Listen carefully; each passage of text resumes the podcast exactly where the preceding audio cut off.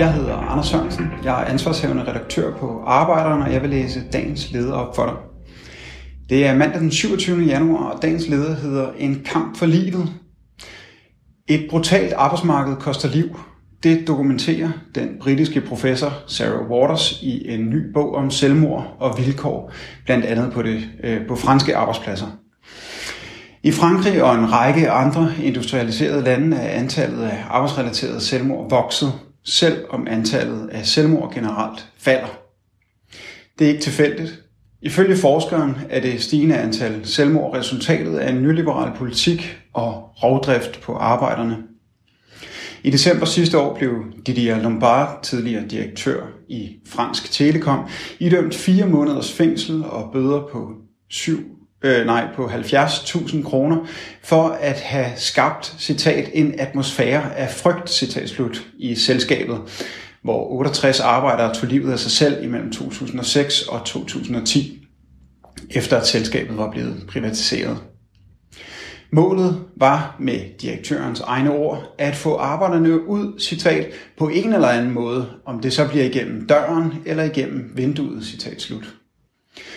På bilfabrikken Renault opstod en række selvmord, efter at ledelsen havde sat kravene til produktion op, og for de, øh, op for de ansatte og øh, indført nye metoder til at måle og styre arbejdet. Blandt andet tog en tekniker livet af sig selv ved at hoppe ud fra toppen af selskabets hovedkvarter.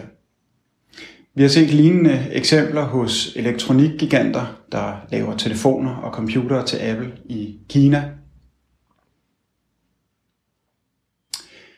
den stigende øh, usikkerhed på arbejdsmarkedet med ringere socialt sikkerhedsnet og usikre jobs spiller også ind, når flere tager livet af sig selv på grund af arbejdet, vurderer forskeren. En lavtlønskapitalisme vokser frem i mange lande og betyder, at de basale rettigheder forsvinder. Mange arbejdere ender i grov udbytning, ydmygelse og frygt for fattigdom, enten i jobbet eller som arbejdsløs. Selve retten til at være menneske forsvinder sammen med indflydelsen på arbejdslivet. Udviklingen er rystende og viser, hvor desperat kapitalen er for at vride mest muligt ud af arbejdskraften. Det er nu, vi skal stoppe den udvikling, og fagbevægelsen skal vise, at den er klar til at kæmpe for livet. Du har lyttet til dagens leder fra Arbejderen. Abonner på vores podcast på iTunes eller hvor du ellers hører din podcast. Du kan også klikke ind på arbejderen.dk for meget mere journalistisk indhold. Du er også velkommen til at følge Arbejderen på Facebook, Instagram eller Twitter, samt tilmelde dig Arbejderens daglige opdatering på Messenger. Vil du i kontakt med Arbejderens redaktion, kan det ske ved at sende en mail til redaktion arbejderen.dk. Tak fordi du lyttede med.